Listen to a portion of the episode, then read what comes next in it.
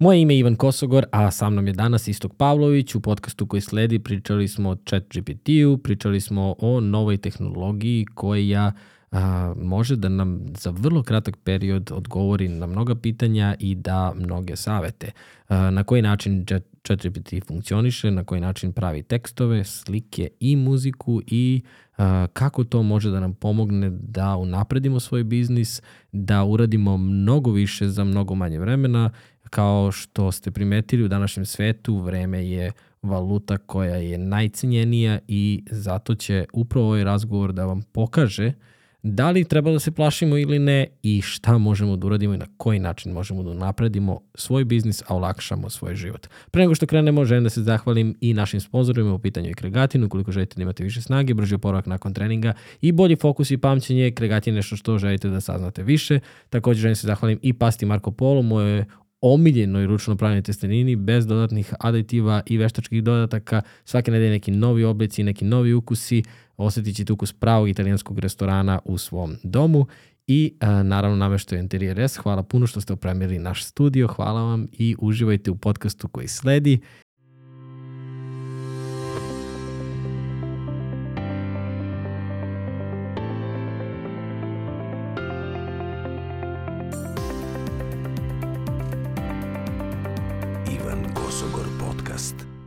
Naval Ravikant. Da, to je indijsko neko prezime. Mm, u nekoliko navrata si na Instagramu pričao ovom čoveku i sad dolaziš sa knjigom.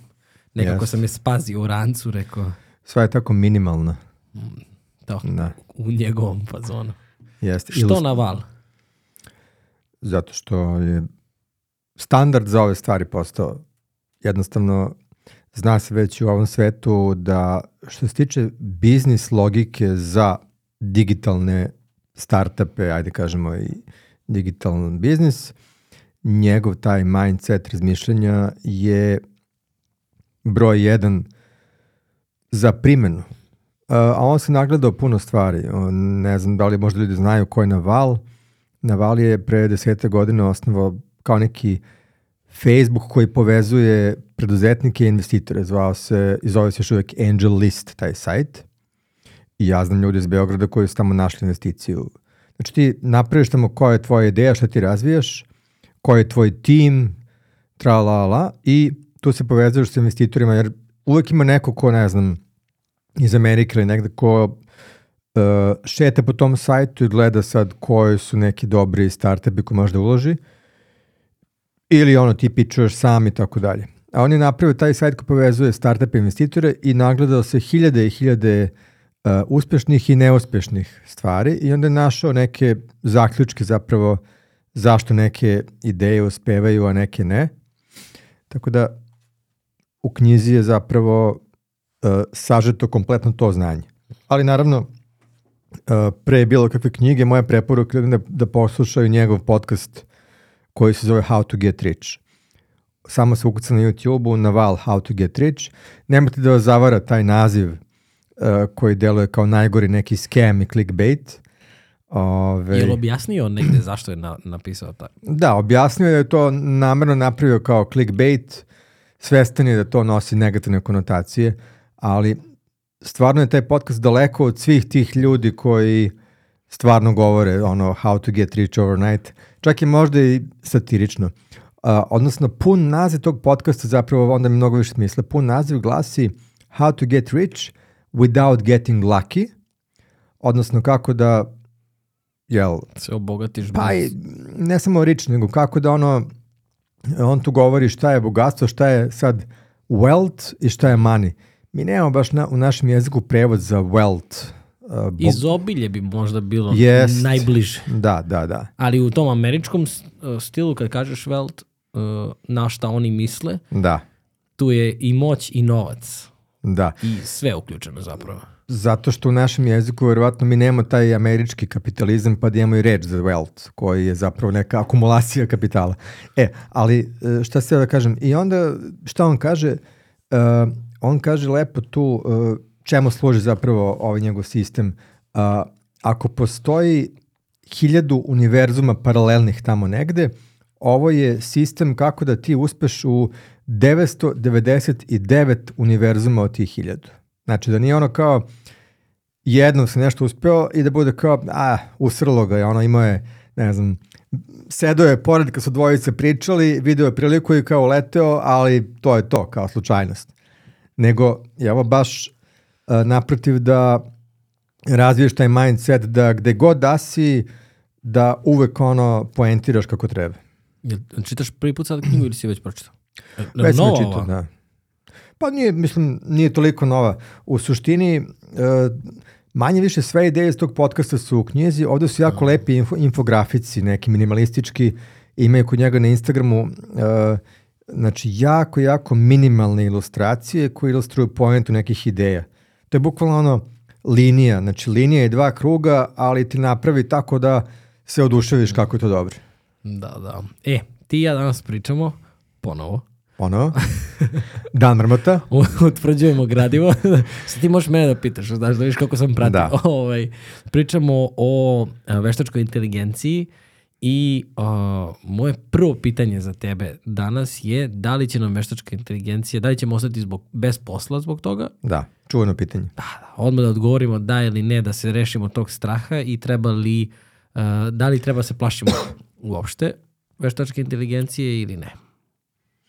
Ono što ja vidim da se dešava to je da ljudi koji nauče da koriste tu veštačku inteligenciju definitivno ne ostaju bez posla, nego uče da je koriste. Evo, na primer, neko ko je copywriter, ko nauči da koristi dobro uh, chat GPT, odnosno OpenAI i slične derivate toga, pričat ćemo o tome, uh, ti ljudi samo mogu još, još bolje i još efikasnije da rade svoj posao. Ono što znam da se dešava provereno, to je da ljudi koji se bave tim, da kažem, content marketingu za klijente, sada jednostavno mogu da brže urade te posao. Znači, oni su ranije mogli da za mesec dana obsluže pet klijenata, sad mogu da obsluže 15 klijenata za mesec dana. Znači da zarade tri puta više novca za jednako vreme provedeno za kompom, e, pi, pišući tekstove. Zato što je zapravo najveća vrednost tog chat GPT-a i AI je što on piše tako te tekstove koji nisu ono što kažemo mission critical, odnosno uh, postoji ono da kažemo onaj glavni prodajni tekst na sajtu i to je moje mišljenje bi trebalo i dalje da to piše copywriter, ono živ čovek i tako dalje. Ali svaki uh, biznis ima jednu drugi deo te strategije koja je takozvana uh, long tail SEO strategija, odnosno da sad imaš hiljade i hiljade dugačkih, dugačkih fraza koje neko ukuca u Google i tebi treba tekst koji će ti odgovoriti na to pitanje i da ga sprovede do prodaje tvog proizvoda. To jednostavno da pišu živi ljudi, to je stvarno, mislim, besmisleno. I za to je chat GPT super, odnosno svi ti programi koji pišu AI. Dakle, tebi ako treba, ne znam, hiljade tekstova koji su, lupam, evo, uh, klinika za plastičnu hirurgiju, hoće da pravi tu SEO strategiju da obrade 500 tema koje ste long tail i jedna od tema je, ne znam, uh, koliko je opasna operacija nosa, lupam, ili uh, tako neko obskurno pitanje koje se ukucava ono, 10 puta godišnje. Uh, stvarno se ne isplati da živi čovjek piše uh, tekstove tog tipa, ali chat GPT može da ih napiše relativno brzo i da svaki tekst uh, prosto linkuje uh, ka tome da se oni jave doktoru za konsultaciju ili šta god. I ti onda možeš da imaš tu uh, dobru SEO strategiju sa gomilom tih uh, long tail dugačkih fraza, da napišeš ono, pokriješ hiljade stvari koje ljudi googlaju, ti si rankirao na Google jer naravno niko nije, nikad nije napisao tekst o tako specifičnoj temi i možeš jako brzo da ištrikaš stotine i stotine tih tekstova, tako da za taj long tail SEO strategiju gde ono jednostavno uh, treba ti mnogo, mnogo tekstova, to je, za to je fenomenalno, stvarno. Znači, ne treba da se plašimo. Ma kakvi. Dobro, kaži mi kako, kako, na kom osnovu zapravo funkcioniše chat GTP? Mm, to je dobro pitanje. Mm, možete ljudi to interesovati zato što će tako znati šta da rade s njim bolje. Ono što on zapravo radi, chat GPT je jedan deo jednog modela koji se zove large language model zapravo. To je ceo taj koncept uh, u lingvistici, odnosno to je sad posebno jedna oblast koja se zove inform, uh, lingvistička informatika ili kako se već zove, ne znam je tačno. Uglavnom, large language model je uopšte neka ideja da ti imaš kao bilo kakvu predikciju. Znači, tu je, sve se svodi na predviđenju i statistici. E sad, najbolji primer, imali smo nekad one telefone Nokia, one cigle, pa posle bila sa zmijom, 3210 i ostalo. I sad, u nekom trenutku tamo je bila ona predikcija ukucavanja. Ti kreneš da kucaš i sećaš se i on ti već uh, izbacuje kao šta si ti hteo da kažeš, on otprilike već možda pretpostaviti kao, a e, to sam baš hteo i kao, ok. I dovršava ti rečenice brže i ti kucaš brže. Jer tad nismo imali ono full tastatur, nego bilo na broje, pa kao tako se lakše uh, kucalo i brže.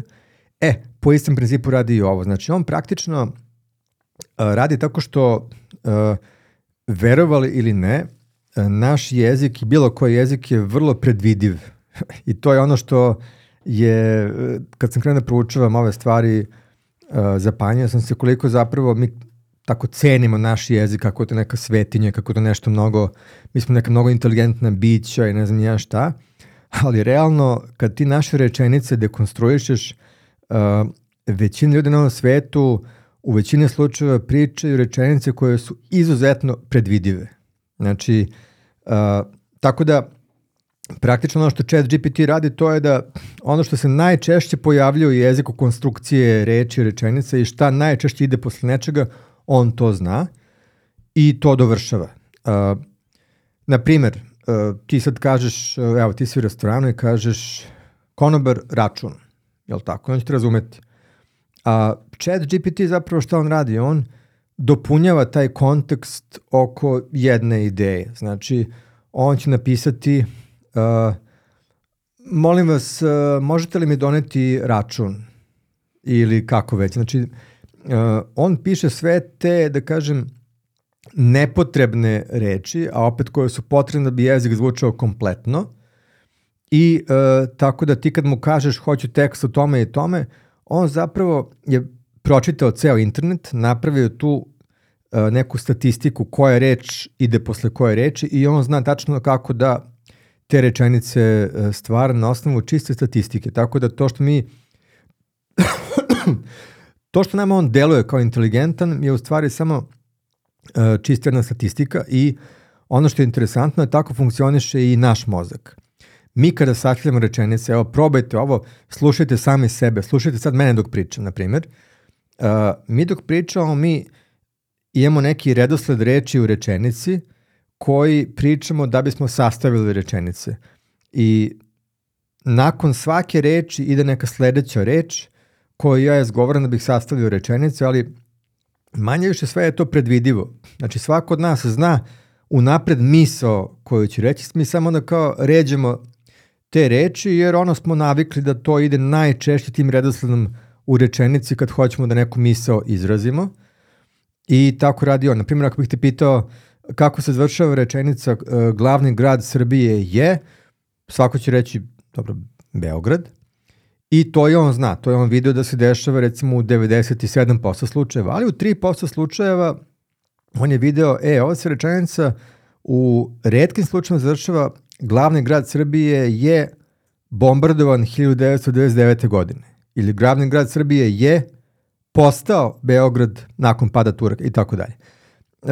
I on zna sve te verovatnoće u jeziku koja tačno reč ide nakon ovog niza reči pre toga i tako ređe, ređe, ređe i tako on slapa rečenice. Tako da, mislim, uh, I to je malo zastrašujuće kad ti shvatiš zapravo da ono kad kaže da neko je elokventan, da zna da sklapa rečenice, e, to su samo ljudi koji su pročitali puno knjiga i njihova baza svih tih mogućih kombinacija reči koji idu nekim redosledom je veća.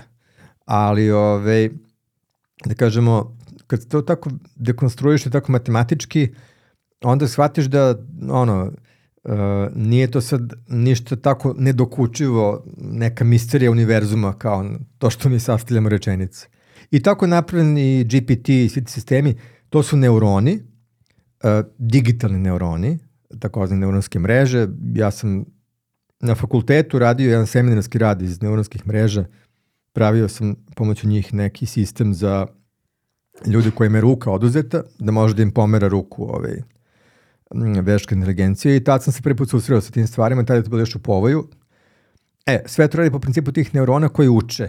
Znači, na osnovu puno nekih iteracija i primjera oni nauče. Na primjer, uh, najbolji primjer možda je kako radi chat GPT, kako on je naučio sve to, uh, dete koje je malo. Uh, dete koje je malo, uh, mi njega učimo prosto razne stvari u prostoru u svetu oko nas. I dete prvo nauči vizualne stvari, pa tek onda rečenice. Zato je i prvo, prvo je napravljen AI koji pravi slike, pa tek onda koji pravi rečenice i reči. To je možda interesantno. Da, postoje AI kao što je Mid Journey, uh, možete ga probati Mid Journey ili DAL-E ili Stable Diffusion. Oni generišu slike. Ti mu kažeš napravi mi, ne znam, uh, psa koji sedi na tronu u drevnom Egiptu ili šta god, on, on će to napravi. Ali uh, poente znači da ti neuroni uče isto kao i deca, kao ljudi. Naime, dete kada je malo, prvo mi kada učimo dete i kažemo ovo je kuca, ovo je maca. Znači vidi se, ne znam, ovde kuca, mi kažemo to je kuca, ovde je maca. I sad prođe dva dana i pojavi se pas. I roditelj pita dete, e, šta je ovo? Kako se beše ovo zove? I dete kaže, e, maca? E, nije nego kuca.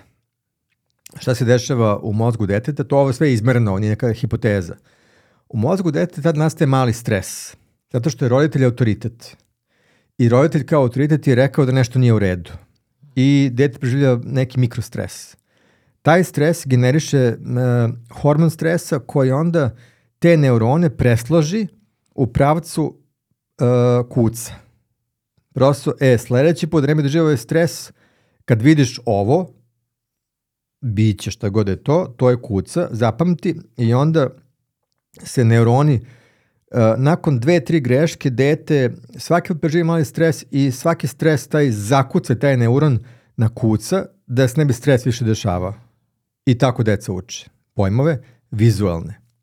E onda isto tako krenu da sklapaju rečenice, opet uh, dete nešto kaže pa nije reklo kako treba rečenica, opet roditelj ispravi, svaki put nastaje taj mali stres i ti mali stresovi, jer neko koji nama autoritet rekao da nešto nije dobro, uh, ispravljaju naše neurone i tako mi naučimo. Isto je chat GPT, odnosno bilo, bilo koji taj AI i ovaj koji prepoznaje slike i ovaj koji stvara rečenice, oni su svi uh, prošli kroz ceo internet i tako kao deca učili od nule šta je kuca, šta je maca, šta je pas, šta je mačka, uh, ima on sistem da koriguje samog sebe, ali su ga korigovali živi ljudi, bila je kombinacija faktora u tome, I ovaj, ali vrlo je sličan sistem. I onda nakon svega toga je, došli smo do nivoa da on ne prepoznaje psa, nego prepoznaje koja je to rasa psa i prepoznaje da ne znam to uh, toj pudla, a nije obična pudla, uh, i kakva je pozadina te slike i sve ostalo. Ali to je jedan iterativni proces koji na taj način radi. I eto, mislim, nije loše da ljudi znaju da, jer često deluje ljudima nedokučivo kao, ja, to su sad napravili tamo neki doktori nauka, ja nikad neću moći da skontam kako to radi, a zapravo nije baš toliko nedokučivo, u stvari je vrlo objašnjivo. Da li misliš da nas više zbunjuje i plaši to što se zove veštačka inteligencija, jer kroz, ne znam, Matrix, kroz uh, da. Robocapa i Terminatora predstavljeno nam je kao da dolazimo do uh, samouništenja, odnosno do istrebljenja ljudske rase, ovaj, samo zato što se plašimo reči inteligencije koju je vrlo opet teško opisati i kod čoveka, a kamoli veštačka. Znaš, ta da. igra reči mi je, mi je deluje, mada opet, pitao sam te kao da ćemo ostati bez posla, jer kad su se pojavile društvene mreže, pa ne samo da, ili, ili ova cela kom, kompjuterizacija naših ovaj, poslova, ti si izgubio neke poslove, tačno, ali s druge strane si dobio širok spektar novih poslova. Jasno. Evo, uh, kad smo kod toga, uh, baš sam pre neki dan našao da sada postoji novo zanimanje koje se zove prompt designer. Prompt? prompt designer. Šta je prompt designer? Evo prilike za sve ljude koji trenutno hoće možda da, ono, da krenu sa digitalom, da postanu specijalisti za nešto i tako dalje. Šta je prompt designer? Vi kada otvorite recimo chat GPT, on može svašta da napiše u teoriji. U praksi e, to zavisi isključivo od toga šta mu vi date kao taj input. Znači nije isto kao, e, napiši mi neki interesantan tekst o ovom mikrofonu i on sad će napisati neki generički tekst.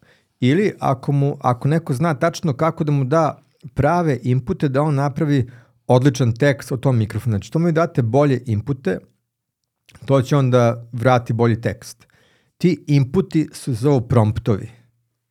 I mm. pisci promptova zapravo su oni koji znaju kako da naprave prompt koji vraća dobar rezultat. I sad šta se dešava?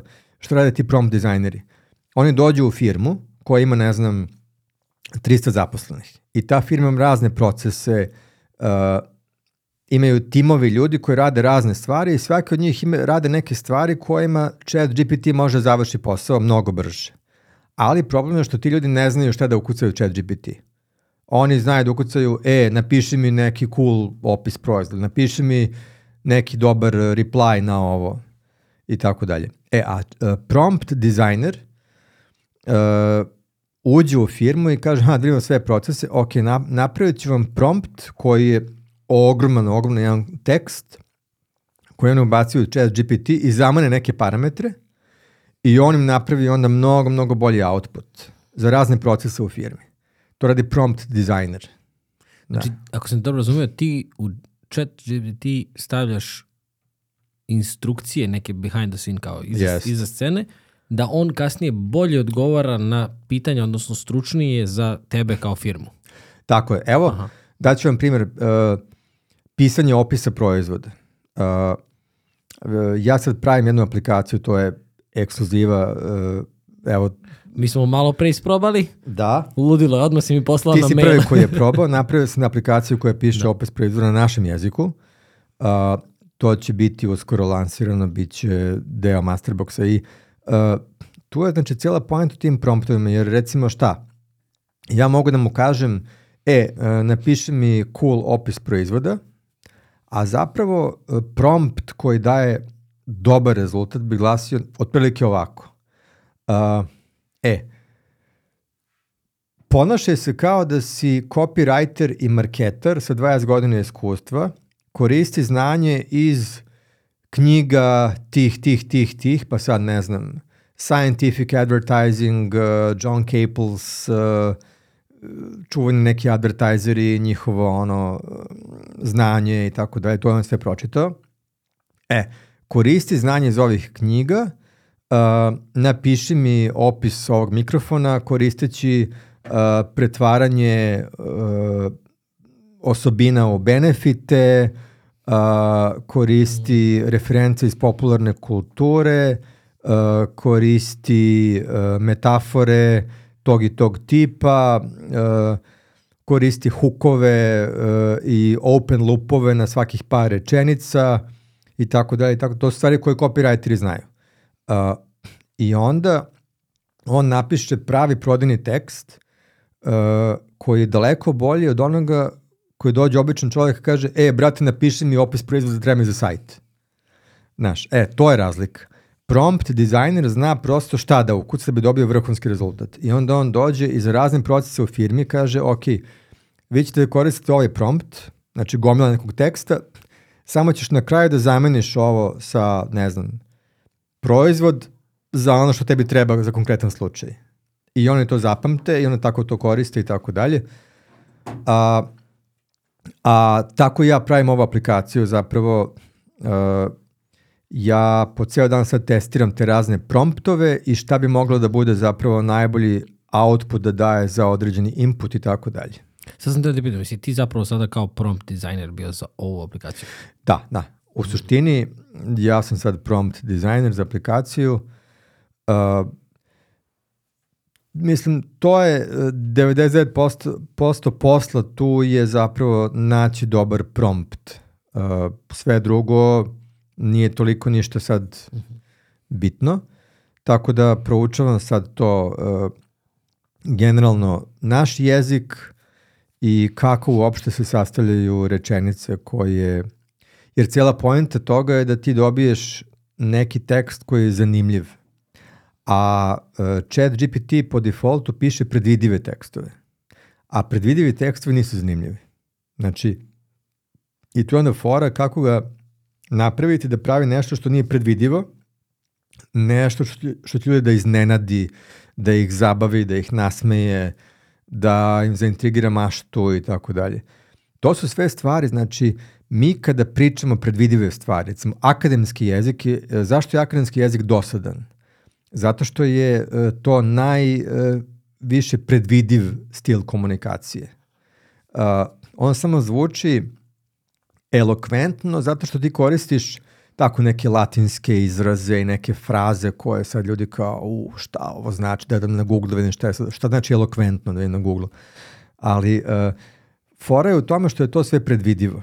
A, i, I to on piše savršeno. Znači, sve te, zato, zato je on super za te seminarske radove, studentski, jer on tu dobije to, ono, on ti da tačno sve kao što očekuje tamo neki profesor na fakultetu i da kaže, e, ovo je super rad, a u stvari je strašno dosadno. Samo je služi da neko tamo dobije dobru ocenu. A, u marketingu drugačije. Znači, u marketingu tekst koji prodaje je onaj koji je što udaljeniji od tog akademskog. Znači, mora da bude nepredvidiv, mora da bude prepun iznenađenja, stvari neočekivane koje ne očekuju da čuju tom tekstu i tako dalje. I tu je jako teško njega natrati to da radi, jer on uvek naginje ka toj statistici šta je najčešće izgovoreno u jeziku kao ovaj primjer sa Beogradom koji sam naveo. I, ove, I zato je teško da ga navedeš da on bude kreativan i da te iznenađuje s nekim duhovitim opaskama i tako dalje, ali može, na tome sad radim, da. Sad kad smo barem ove verzije utvrdili da nas neće istrebiti, koja je onda razlika između Google-a i ovaj chat GPT-a? Zato što mi deluje na prvi pogled, ja kad sam barem koristio, ja sam postavio pitanja, objasni mi kako funkcioniše nuklearna fizika. Znaš, da. Ti, ti si završio beše... Jesam, da. da. Prvo sam se pitao dakle mi, baš sad nuklearna fizika, kad sam izgovorio, ti si u stvari nuklearni fizičar. Ovaj, što je fascinantno, samo po sebi. A. Ovaj, kaži mi, koja je razlika, čuo sam nešto da i Google pravi neku svoju verziju. Sada... Prave, da. Pa mislim, ono što ljudi ne, možda nisu ukrčili, Google uh, i pre ovog uh, chat GPT-a Google je dosta funkcionisao po tom principu da razumeš šta ti želiš od njega. Evo, uh, probajte najprostiji primjer. Ovo je, ovo je moglo na Google stvrdi pre pet godina. Ukucite na Google, koji je to omiljeni film? Ajde. Mm, omiljeni film? Neki, nije omiljeni, lupi neki film. Da, Scarface. Scarface. Ok. A ukucaš u Google, e, uh, koji je film gde Al Pacino dolazi uh, kao došljak u neki drugi grad i tu postaje kriminalac. Isto Google, zna se o filmu.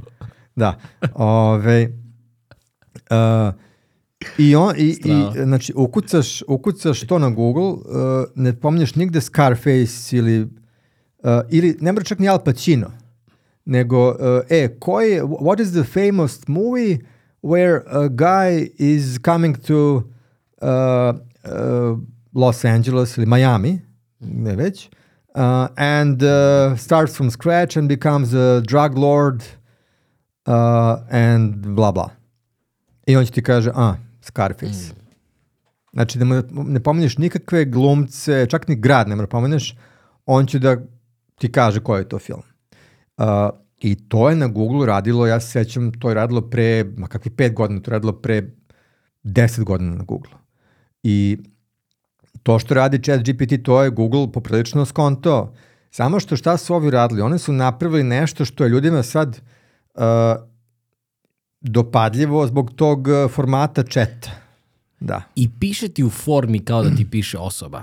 Znaš kao, jel, uh, kao, da li možeš da mi kažeš šta je Scarface, a on govore, naravno da mogu. Naravno. Izvoli. Ovo je kao obraćati se, humanizovan je jako. Da, da. Š, da li misliš da im je to bilo I, Jeste, sigurno. Uh, o, znači, on, uh, on zna masu stvari kao i Google, ali fora što on dodaje taj ljudski govor, to su te predvidive rečenice zapravo. On može da zvuči i uh, učtivo, može da zvuči i duhovito i može da zvuči i ne znam, rezervisano, šta god. Ali ovaj, to je tako što mu ti kažeš šta da radi.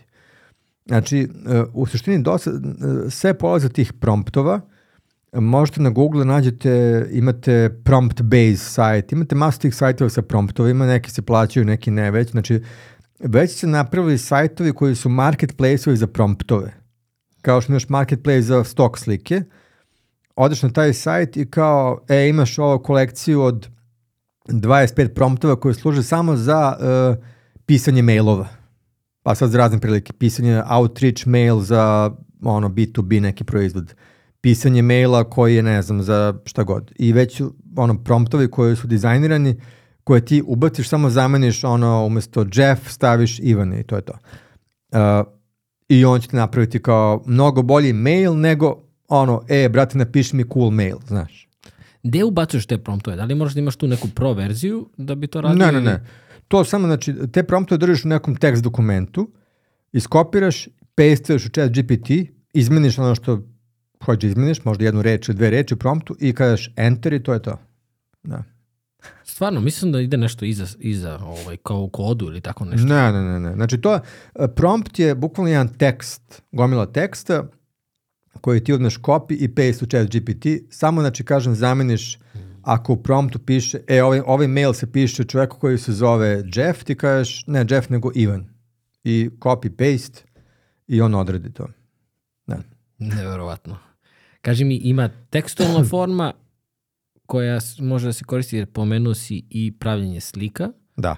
O, ti ja prošli put kad smo pričali, si mi ispričao vrlo zanimljivu stvar vezano za o, autorska prava, koja je sada po, Da, polako. da. Moja ideja je da što više budemo imali ovih generičkih slika, da će to skuplje biti slike u realnom vremenu ljudi koji su stvarno radili. U smislu da, Da. da. to se pokazuju u drugim nekim tržištima. Nije isto da, baš danas sam pričao, ovaj, jutro sam je bio Vladimir Grbić, Va- Vanja, Aha. u podcastu i nešto smo pričali, pre nego što smo pali kameru, i on kaže, ej, jedan moj prijatelj počeo da pravi drvene ove, za pecanje, nešto, handmade, kaže, ručno pravi, mnogo dobro.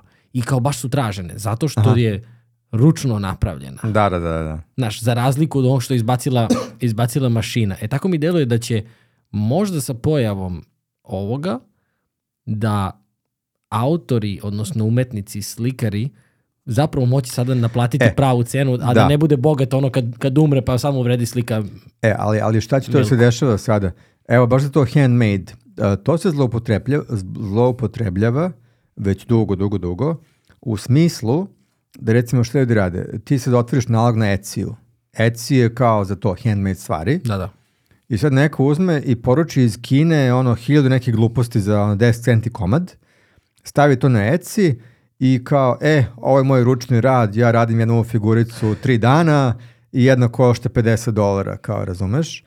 I oni znaju za to. Da, zato Etsy, Etsy ako te provaju ti drop shipuješ, da to, da nije stvarno handmade, nego da nešto iz Kine uvaljuješ, banuju ti nalog for life i ti si kod njih čao. Znači, baš pazi na to. Ali bez obzira, mnogo ima njih koji se tako provlače, koji ti uvaljaju nešto kao što je ono Kobayagi handmade, a u stvari neka fabrika u Kini naštancuje 500 tih za sekundu, znaš kao. Da, da. E, Leci radi kod nas?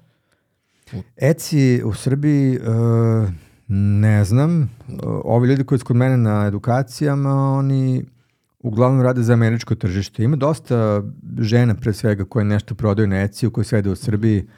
Uh, I mislim, nažalost, ja ne znam šta da im kažem, ono me pitaju, ja znam kako se radi marketing van Etsy-a, znači kako da vedem ljude do Etsy-a, ali u okviru samog Etsy-a ne, nis- nisam nikad to radio, to je ona optimizacija za platformu, znači njima treba kad neko ode na Etsy i ukuca, ne znam, daska za sečenje, da one budu na prvi deset, znaš, to je optimizacija u okviru platforme i to je ono svet za sebe. Mm, Da. Čoveče. Koliko, to, koliko ti informacije imaš u glavi? To je meni fascinantno. A dolaze do mene puno ljudi, uh, puno životnih priča, uh, a i kad mi se pojavi neko ko mi, ono, kaže da radi nešto, ne znam šta je, ja brzo izgooglam, vidim šta je to, sklopim kockice već postojećim, uh, lupam, neko možda, ima puno tih marketplace-ova kao što je Etsy, gde ljudi prodaju neke stvari, a da ja nisam ne znao da to postoji.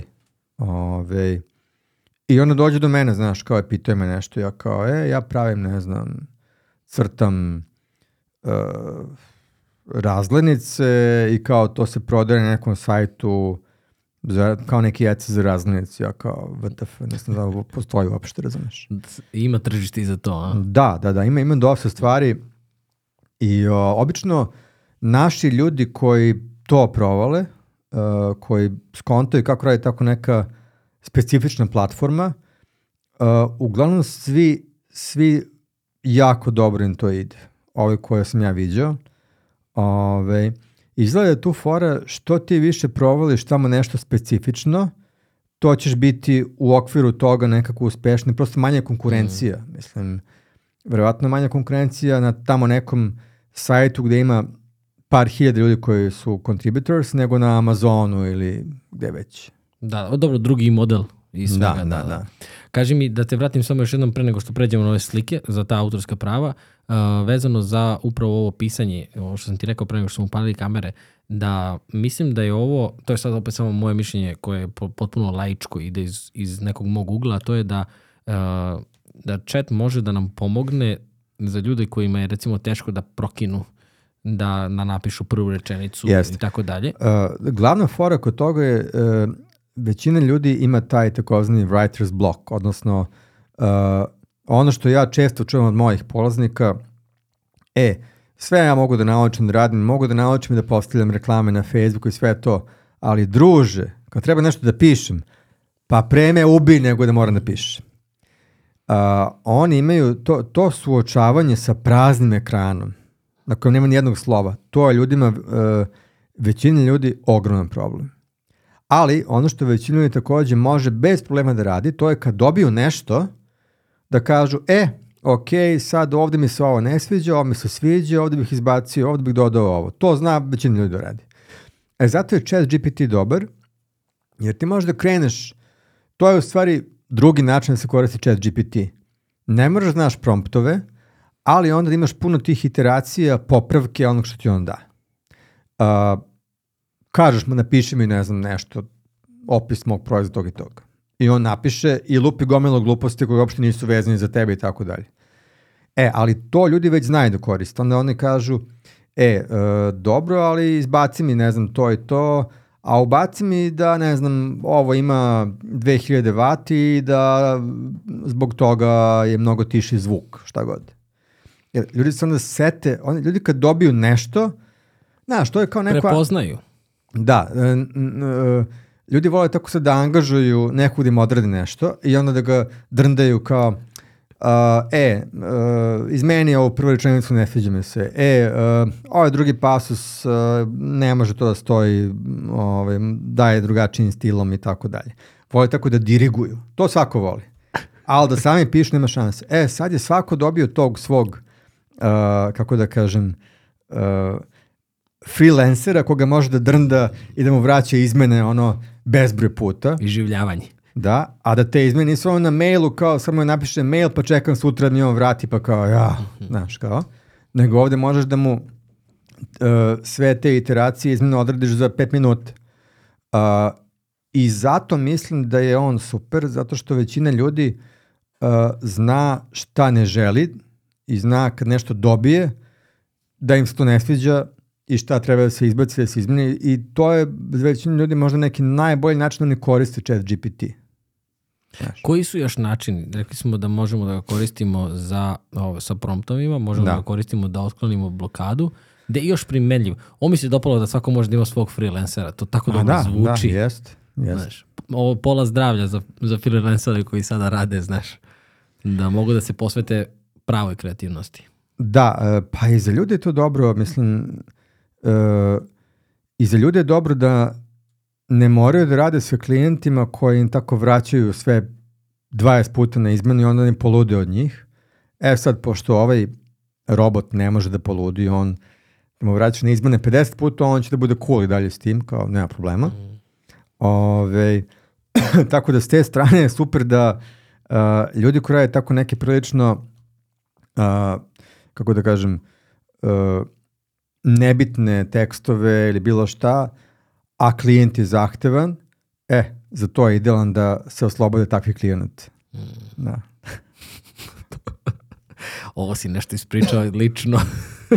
pa nije lično, ali znam ljudi koji rade takve poslove i koji, da. ono, koje će ovo da spasi. Mm, da, da. A kaži mi šta je još, šta je još tvoja ideja da misliš da može da se provuče uh, ChatGPT? On je jako dobar, recimo, sad za neke druge stvari, tipa, ne znam, evo, za, za kodiranje koriste ga. Ne moraju samo programeri. Uh, meni je zatrebalo pre m, par nedelja nešto sam editao u WordPressu i neku stvar nisam mogao da rešim preko WordPressa, trebalo mi je, trebalo mi je kod za nešto. Znači, bio je neki widget u WordPressu i nisam mogao nikako da promenim boju nekog tamo dugmeta na tom widgetu. Nije bila opcija za to, nego mora preko koda. I sad ja kao, ja sad treba ulaziti u kod, pa gledaš tamo CSS, bla, bla, bla. I ovaj, e, rekao, ja pravim chat GPT. Rekao, e, a, aj mi napravi kod koji će dugme koje je, ne znam... Na srpskom ili na engleskom? Uh, na engleskom sam to radio, ali vrat mi radi na srpskom. Uh, dugme koje je crveno treba u stvari da bude žuto, a kad se preko njega pređe da bude uh, zeleno i kad se klikne pojavi se uh, forma ispod njega da se ukuca ne znam šta. To mi je trebalo zapravo. I ja rekao, ma nema šanse ovo da napravio previše komplikovano. On je napravio sve, znači, bez greške. Ja sam to pastovao u WordPress, tamo onaj ekstra kod i kao pojavilo se kao, znaš. Vidiš, ja za to koristim, pošto ja koristim isto WordPress, sve sam radim, osim kodiranja, meni onda Boško to sredi, moj drugi zovda ništa. E, Znači, da. bole, Ovo za meni je Boška. Slobodan si. genijalno, genijalno. Da, da, da. Um, misliš da uh, će mali biznisi uh, kada prođe ovaj talas, mislim da već polako i možda i prolazi u smislu wow, šta će ovo, kako i dalje, misliš da će se mali biznisi prilagoditi ovom, da li misliš da će chat ost takođe ostati besplatan ili misliš da će on imati neke, neke nove verzije koje će biti sve skuplje i skuplje? A on će imati, on već sad ima verziju koja se plaća, koja da. je nešto tipa, mislim, 20 dolara mesečno. Uh, da li to, ima razlike između pro pa, i obično? Razlika je jedno što je uvek, uvek dostupan. Ali u smislu kvaliteta njegovog outputa isto je. Mm. I free verzija i plaćena je isto. Jedina razlika je što plaćena verzija ovaj, je uvek dostupna. I mislim, verovatno neće biti zaovek besplatan uh, zato što uh, ceo svet ga koristi tu free verziju i to troši toliko resursa servera, možda i hoće, mislim, ne znam. Ali i kad se bude plaćao realno za tih 20 dolara, ja mislim da vi dobijete mogućnost da pravite negde oko uh, milion milion reči mesečno ili tako. Ne, ne, gledao sam ne, neka cifra koju ne vrem da će iko ikada ono premaši, ono, tako da ko radi bilo koji ozbiljniji posao, mislim da ćemo se splatiti ono sto struko i više kakvi. Da. Ajde da pređemo na slike. Može. Ovaj, šta misliš za ta, za ta odnosno, hoću da mi ispričaš ponovo taj, taj deo za autorska prava i ljudi koji su se bunili jednostavno zato što sada kao, mislim bio je taj market, onaj uh, stok za slike. Da. Se, se, se, sećam se u, u delovima, pa me zanima ponovo to ispričaš. Evo, mogu da ti pokažem neke stvari koje sam generisao u Midjourney dok uh, pričamo. Ajde, hoćeš da generišeš sad nešto? Može, ali mogu ti pokazati šta sam uh, ranije još generisao. Uh -huh. uh, igrao sam se malo da ga, ono, uh, zabavim da mi generiše neke stvari koje su onako lokalnog karaktera, ako me razumeš. Biće ti jasnije kad, kad vidim. kad vidiš, da. Ovo je, ako nas slušate na nekoj podcast platformi, hvala vam što slušate, zapratite nas na Spotify ili na Apple Podcast, ali je pravo vreme da upalite od ovog minuta na YouTube-u da biste videli ovo što će meni sada isto pokazati. Da, uh, ono što je zanimljivo, ko, ko ne sluša, znači sad ovo, ko ne vidi uh, sliku, može, ja ću da kod mene na moj link 3 Znači, mm na mhm. mom Instagramu on link 3 i jedan link koja bit će AI slike.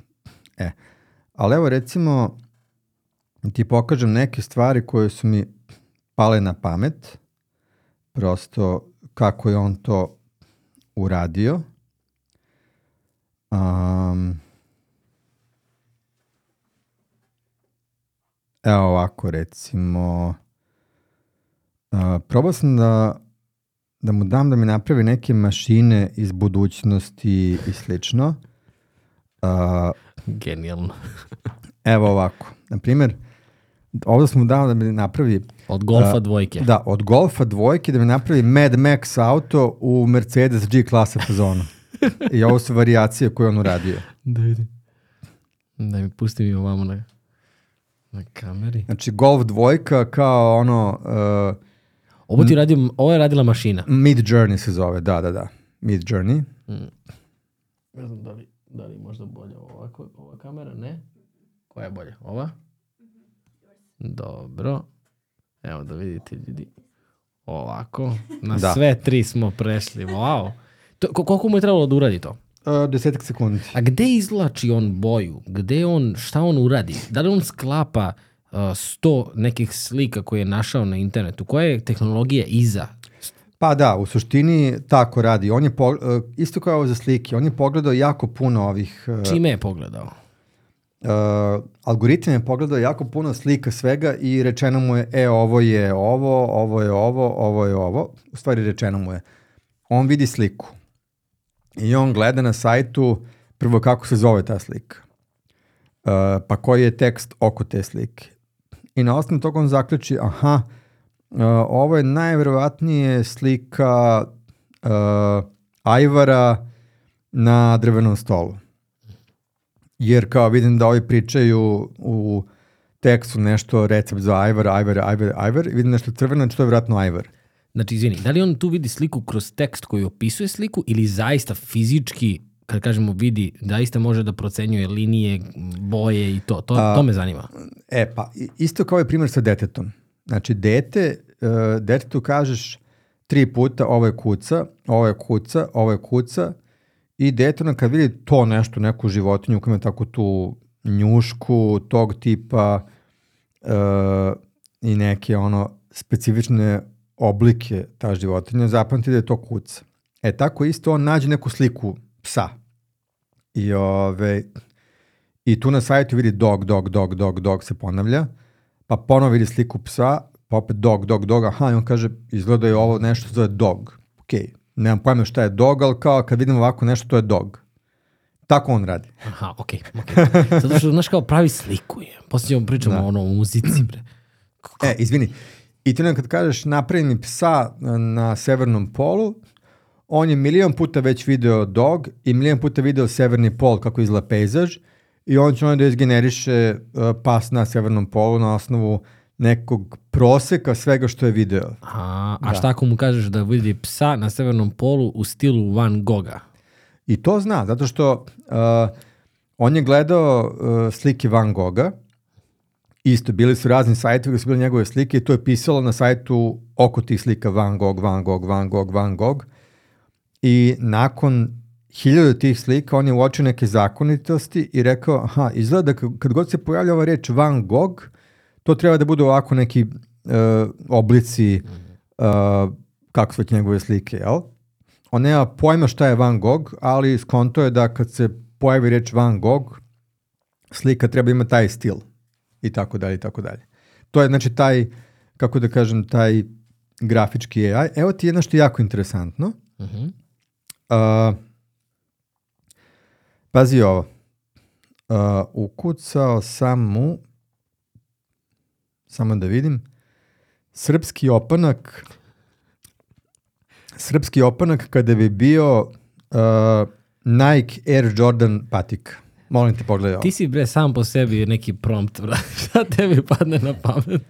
Pogledaj što mi je radio. Wow. Uradio mi Air Jordan patike uh, Ja bi ovu nosio da znaš. ja bi nosio sve. Evo, Vrhunski pogledaj da ljudi vide. Da, da, evo, ljudi, Imamo full screen, čekaj da vide ljudi uh, pojedinačno, evo. Ne znam koja od ovih je najbolja. Uh, kakav Gucci bre, alo? evo, ovo je možda prepoznatljivo. Da, Evo. Znači, uradio mi je Wow. Air Jordan patiku u opanak fazonu, znači Serbian Traditional. Da. Da li ti misliš, moje sljedeće pitanje za tebe, s obzirom da imamo 3D štampač ili neku tehnologiju, da li misliš da ćemo moći sami da dizajniramo, da zadamo i da nam neko da. to odradi? To, to je vjerojatno sledeći korak. Mislim, ti možeš sad ovu sliku da daš nekom dobrom obućaru i on će to ti napravi, ono, ali će koštati Boga oca, naravno. Da, ne, ja te pitam. E, ali ove, pa u teoriji, mislim u praksi će moći ovo sigurno u nekom trenutku, Biće neka mašina koja će u sebi imati sve moguće materijale, i gumu, i platno, i šta god je potrebno za patiku. Ona će ovo da pogleda, kaže, aha, ok, daj, za ovo će mi trebati, ne znam, to, to, to je to. Robot tamo izvuče i seče to šta je potrebno, sklopi i kao imaš tu ono, Air Jordan opanak patiku za sat vremena. Znaš šta je zanimljivo? Da smo ti ja vodili ovaj razgovor pre 20 godina u istom obliku, mi bismo bili najveći ludaci na svetu. A ovo da, se dešava. Da, ovo se dešava, da. Trebaju da prate samo koga ovo zanima. Uh, mislim, ovde će da bude centar biznisa, kreativnosti narednih pet godina u ovome. Sve što je vezano za ovo, zato što će, uh, mislim, to se deluje kao samo tamo neko pisanje tekstova, ali AI zapravo uh, kada se veštačka inteligencija integriše u neki biznis kao deo biznisa, ne da se zastavlja ceo biznis na tome, nego samo da deo posla radi AI neki, a neki da radi živi ljudi, to, to je dobitna kombinacija da se napravi sledeća velika firma koja će da izdominira i da ono napravi, mislim, da, da konkurenciju skroz uh, pregazi, nažalost. One ko ne bude ovo radio, ko će reći, ma daj, šta te gluposti, kao, he, nema ništa druže dok ja rukama svojim ne napravim patiku, što god. Mm. Ove, oni će zapravo, jer to nam priča kao prodavcu leda, znaš, tu priču uh, prodavac leda u selu. Uh, čuvena priča. Znaš to? Ne znam, ne znam. Ne, znaš ti, smo čuli? Ne? ne. Pa to je čuvena priča o tim, kada su u pitanju te disruptivne inovacije. Znači, ja sam to pričao, mislim, jednom, Uh, uglavnom šta je fora, sad ne znam da li istinite priča, ali nema veze. Dobre, ako je dobra poruka priči. Dobra poruka, da. Uh, pre 100 godina nije bilo frižidera, nego kako su ljudi čuvali hranu u frižideru pod navodnicima. Znači u svakom selu bio je, kao što postoji kovač uh, i ne znam, ovaj onaj, tako postoji i osoba koja se zove uh, ledađija. I taj ledađija šta on radi? on pravi led, bila neka fora, ne znam kako, bez struje, da se pravi led. I on ima neku tu ono uh, skalameriju koja pravi led. Uh, I onda on ide po selu, konj i kočija i viče led, led, led i ljudi uh, kojima treba led, uzmu njega, kupe led, stave neki podrum tamo i to im je bio frižider. Oni u tom led, taj led drži jedno 5-6 dana dok se ne otopi u tom podrumu I oni tu drže svo ono meso, ono da se ne pokvari za tih nekoliko dana. Kad se taj led istopi, onda opet čekaju da ovi ledađija najeđi da uzmu njega nov led i tako dalje. I tako se radilo pre 100 godina. E, I onda se šta se desi? Pojavi se struja i pojave se prvi frižideri. E, i šta se desi? Ljudi počnu da kupe, počnu da kupuju frižidere. I odjednom te ledađije više iz, izbacuje se iz posla, znači on viče led, led, već ove što je kupovao od njega više ne kupuje, jel? Vidi on, počinju da kupuju frižidere, gotovi on, razumeš? Šta da radi? E, smisli on kreće da priča ljudima po selu, slušaj, ja sam čuo taj frižider i ta struja, to ako staviš hranu u to, to će ti otruje decu, od toga će ti umre cijela porodica od te hrane iz tog frižidera, to su neki opasni gasovi unutra, ne znam, otrovi, pustiti te priče, bolje koristiti ovaj led, to znaš šta je. Uh, I tu priču su neki ljudi upecali se na to i kao, ma dobro, neću da kupujem frižider kao da mi umre deca, pustite te priče, daj meni ti ovaj handmade led. Međutim, prođu godine, dve, tri, vide ono, niko nije umro od tog frižidera i kažu, ma daj, kupit ću ja taj frižider, viš da ono, ipak je to okej. Okay. I tako je on izašao iz posla. Znači, pokušavao je kao na te razne manipulacije i fore da ljudi ubeđuju da kupi frižider. A šta je u stvari on trebao da uradi? On je bio u idealnoj poziciji u tom selu, da bude prvi u selu koji će da prodaje frižidere, da bude distributer i da napravi servis, jer su ti frižideri kvare na svakih mesec dana se nekom pokvari frižider i tako da treba da se popravi i tako dalje. Znači, on je mogao da nastavi da zarađuje i dalje, možda čak i više, uh, samo da je naučio kako ti frižideri rade, kako se popravljaju, da uh, nađe gde se kupuju delovi za frižidere i sve ostalo. Uh, e, i to ti je ta uh, arhetipska priča o tim disruptivnim inovacijama. Znači, čim se ljudi opiru, bit će pregaženi. A ovi koji se ne opiru, nego kažu, ok, super je ovo, ovo će da uništi moj postojeći biznis, ali treba da ga uništi. Ja hoću da uništim svoj sadašnji biznis i da ga transformišem u biznis koji je ovo novo.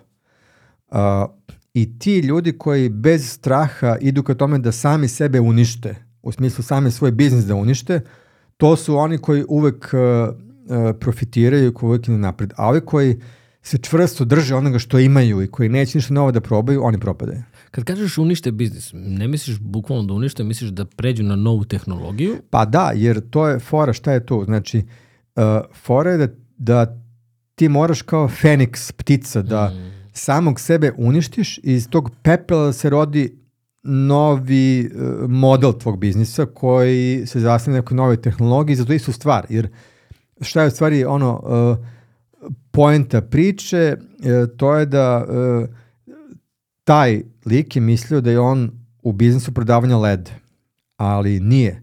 On je bio u biznisu rasklađivanja, a to je jako bitna razlika. Je, e, I to je u stvari, to, to je, tu metaforu sam slušao puno kad sam bio u Kaliforniji uh, po tim raznim pričama o startupima i ostalo. Kao, uh, on, kao, on je mislio da je on u biznisu prodaje leda, a on je stvari bio u biznisu raslađivanja. E, i tako mnogi ljudi uh, koji misle da su u biznisu nečega su u stvari nečem mnogo širem od toga, ali nisu toga svesni. I onda kad se pojavi neka nova tehnologija, onda kao, ok, kako ja sad mogu da i dalje ostajem u tom biznisu, samo je metod drugačiji. Da. Šta misliš za ove, sad ovaj, jurim te oko ovog četa, ali baš me zanima, šta misliš koje sve grane, marketari, uh, virtualni asistenti, freelanceri, gde, gde će sve biti primenljiv sam po sebi? Svuda, svuda. Svi ljudi koji rade neke digitalne poslove, m, jako bi bilo dobro da što pre ovo nauče. Kad kažem da nauče, e, znači to, šta, da... Šta misliš po tim? Kad kažem da nauče, to znači da kreće da istražuju te promptove pre svega. Znači, ako se neko bavi, lupam, uh, email supportom, ja bih odmah otišao na Google i ukucao uh, chat GPT uh, email support prompts best practices ili prompts uh, pa neke sad ono stvari koje tu budu uh, iskakale i da vidim šta su drugi ljudi tu već skontali polako. Verovatno će biti tamo neki Reddit gde je neko već skontao kako može da radiš support pomoću chat GPT-a preko maila i tako dalje. Opet neko će da kaže, e pa ja uzmem ceo mail koji mi stigne, pasujem ga u chat GPT, ali mu još dodam na to i ovu rečenicu. E, naša firma se bavi tim i tim, Uh, ovo ispod je email koji je stigao za podršku za prodaju toga i toga. Molim te smislim je odgovor na ovaj mail koji je u nekom uh, friendly fazonu i onda ide taj mail. I onda oni smisle kao, aha, ok, sad sam ja uh, šejpovao ovaj prompt tako da mi daje 99% savršen odgovor, samo ću da ga pogledam, eventualno izmenim ako neki padež je pogrešio nešto i da ga onda šaljem ljudima i onda kao ti ne znam, ranije si mogu da odgovoriš na pet mailova za sat vremena, sad možeš na 50 mailova. Znaš, kao. Sve vreme hoću da te pitam, da li misliš da će početi da čuje kao YouTube i tako da je, onda sam skapirao, stvari ti uzeš skriptu sa YouTube-a i ubaciš mu kao prompt i on ima. Da, ima i to. Uh, on može zapravo da uzme ceo YouTube video i, na primer, da ti kaže na osnovu ovog, odnosno transkript YouTube videa. A to, to, to. Da, na osnovu ovog uh, YouTube video kao daj mi kao neki ono summary kako se kaže na našem jeziku. Rezime. Rezime da bravo. I recimo za to je super. Prosto evo sad ja sam gostao u ovom podcastu neko kaže e, ja bih volao stvarno da pogledam ali trenutno nema vremena daj mi samo neki summary kao da vidim šta je ovo isto ovde pričao, daj mi ono neke ključne stvari koje je rekao i on kao važi i on mu sve ovo ispriča na jednoj stranici. Ali misliš da će moći i na srpskom uskoro to da radi? Ne znam da li imaju transkripti na srpskom sa YouTube-a direktno. Nema, nema, ali će moći. Sve će to biti vrlo brzo, zato što ranije nije bilo ni potrebe toliko za tim transkriptima. Sad kad imaš uh, te GPT-eve i ostalo, sad ima mnogo više potrebe da sve što je u video formi ima negde u sebe etečevan neki tekst koji je zapravo uh, tekstualni sadržaj toga, jer će na osnovu toga sve drugo da se pravi. Recimo, uh, uzmi ovaj podcast i daj mi predloge za 10 short klipova. I sad on pogledaju kao, ok, meni deluje da bi moglo da bude recimo od 2.19 do 2.44, tada je pričao nešto interesantno o generisanju slika za AI, ja bih to izdvojio kao shorts. Super.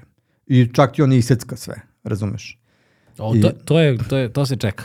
Uh, prave, postoji Aha. već nešto, probao sam, ne radi baš najbolje. Da, da, to već, sam pomislio danas baš. E, već su napravili, zove se, ja, ne mogu svetiti imena, ali Google, ko, ko hoće da iz Google naći vrlo brzo, tipa AI for generating uh, short videos from long form, tako nešto. Mm -hmm. Samo mikrofon, izvini, mojim što peknem. Aha, aha, e, tu. da. I uh, onda će to moći da se mnogo brže uradi, jer sada šta? Sada bi neki editor morao da preslušava cijel ovaj podcast, da sluša šta sam ja rekao i onda da traži te interesantne delove, da secka i tako dalje. Mislim, sigurno će to živ čovek i dalje još dugo da radi bolje od te mašine, ali ja mislim da je uh, opet ista stvar. Mašina će da uradi recimo 80% toga, E onda živ čovjek kaže, ok, sad ja ove klipove koje je napravila mašina, sad ću njih još malo samo da isjeckam, da malo još nešto dodam, izbacim, ubacim, da bi to bilo kako treba.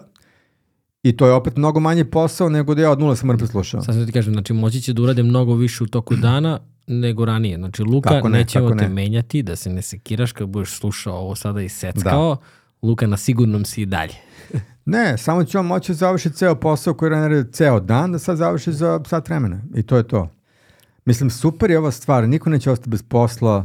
Uh, ja bar nisam čuo da neko ostao bez posla zbog chat GPT-a.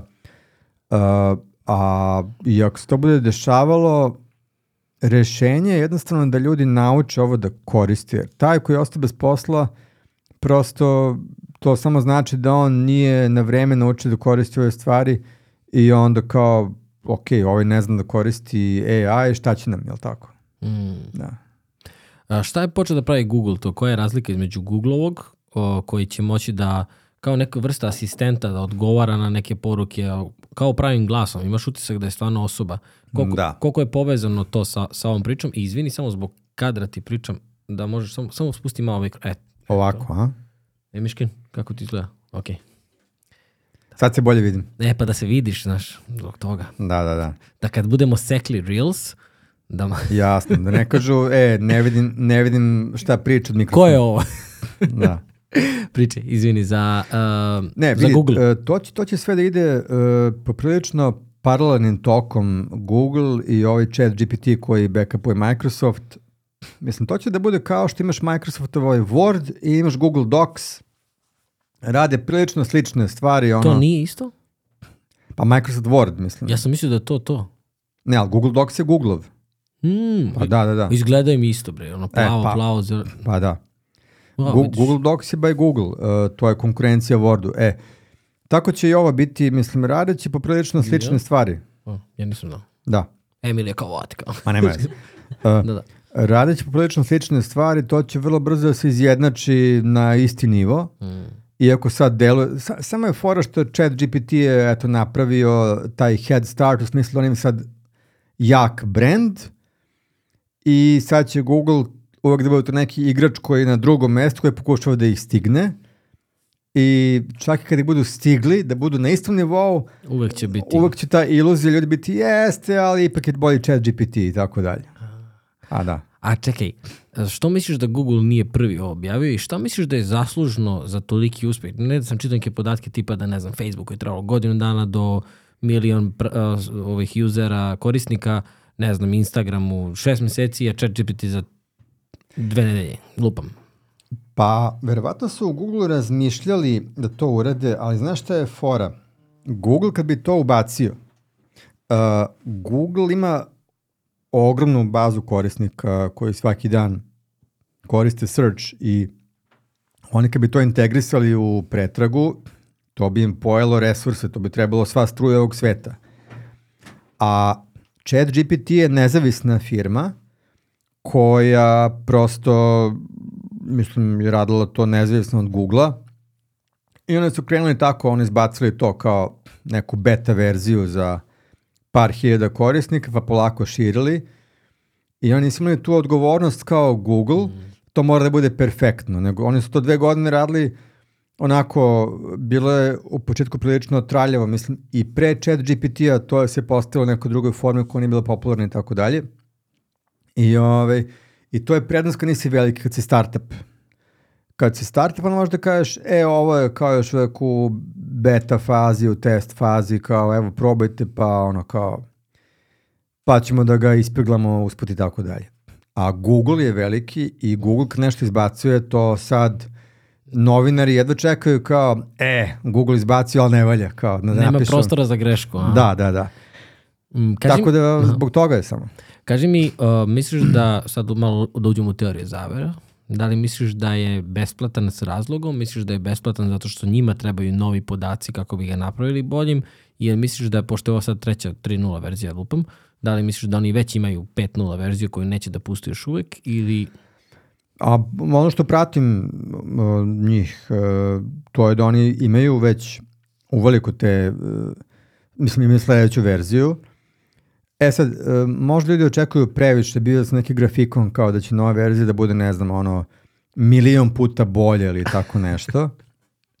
Ali nije, bit će, realno će biti možda 30% bolje. Rekao je baš uh, neko iz, uh, iz OpenAI, to je kompanija koja stoji iz chat GPT-a, da ono, sledeća generacija će biti bolja, ali neće biti sad to kao milion puta bolje u smislu da ono bude neka sva inteligencija univerzuma unutra i ostalo. Ove, tako da, mislim, opet se vraćam na to, znači, uh, to je predikcija jezika, konstrukcija rečenica, naš govor nije ništa toliko nedokučivo. Evo, možete da pustite na YouTube-u bilo čiji govor, bilo čiji podcast i slušajte te rečenice, to su sve predvidive rečenice, znači uh, čak i ljudi koji pričaju neke jako pametne stvari, ali sam način konstrukcije rečenica je nešto što je prosto deo jezika, znači te konstrukcije su viđene hiljada puta u raznim knjigama, tekstovima i tako dalje. Samo znači ljudi koji su malo načitaniji i elokventniji znaju malo komplikovanije te konstrukcije, znaju da iskoriste reči koje nisu baš toliko uobičajene u jeziku, ali uh, princip rada je prilično uh, predvidiv i to je možda malo sad, ja sam bio u šoku kad sam saznao zapravo, kad sam tu shvatio da je jezik samo jedna onako, da kažem, matematička stvar. Znači, čista matematika u stvari statistika, pre svega.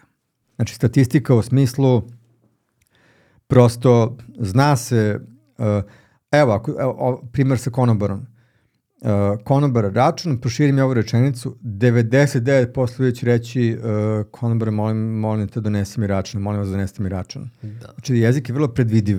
Da, da, ovo je baš dobro primjer, kao, da li mogu dobijem račun, znaš, kao, to je... Pa neko će reći i tako, ali ima da. možda dve, tri, četiri varijacije da, rečenice koje da. će neko reći i svaki uh, 55% verotnoća da će reći ovako, 22% verotnoća da će reći ovako i to stvar ima u svojoj bazi. Samo te verotnoće ima. I tako on pravi te rečenice. Koliko je to neverovatno. Kad pogledaš, kao vrlo je, kao što ovo nije postalo pred 20 godina, kao vrlo je jednostavan model. Da. I, izgleda jednostavno sad kad ga je neko napravio u tom, u tom smislu. A da, da. Kako pravi muziku? Znaš, sad je to opet neka nova, nova verzija nekog outputa, odnosno toga što izlazi E, uh, AI koji pravi muziku uh, je čak postojao pre tipa pet godina sam ja prvi put to čuo. Da, da, da. Neki kompozitor koji recimo bilo kao napravi mi ne znam uh, sonatu u fazonu Mozarta, ono kao koja traje 3 minuta i on napravi.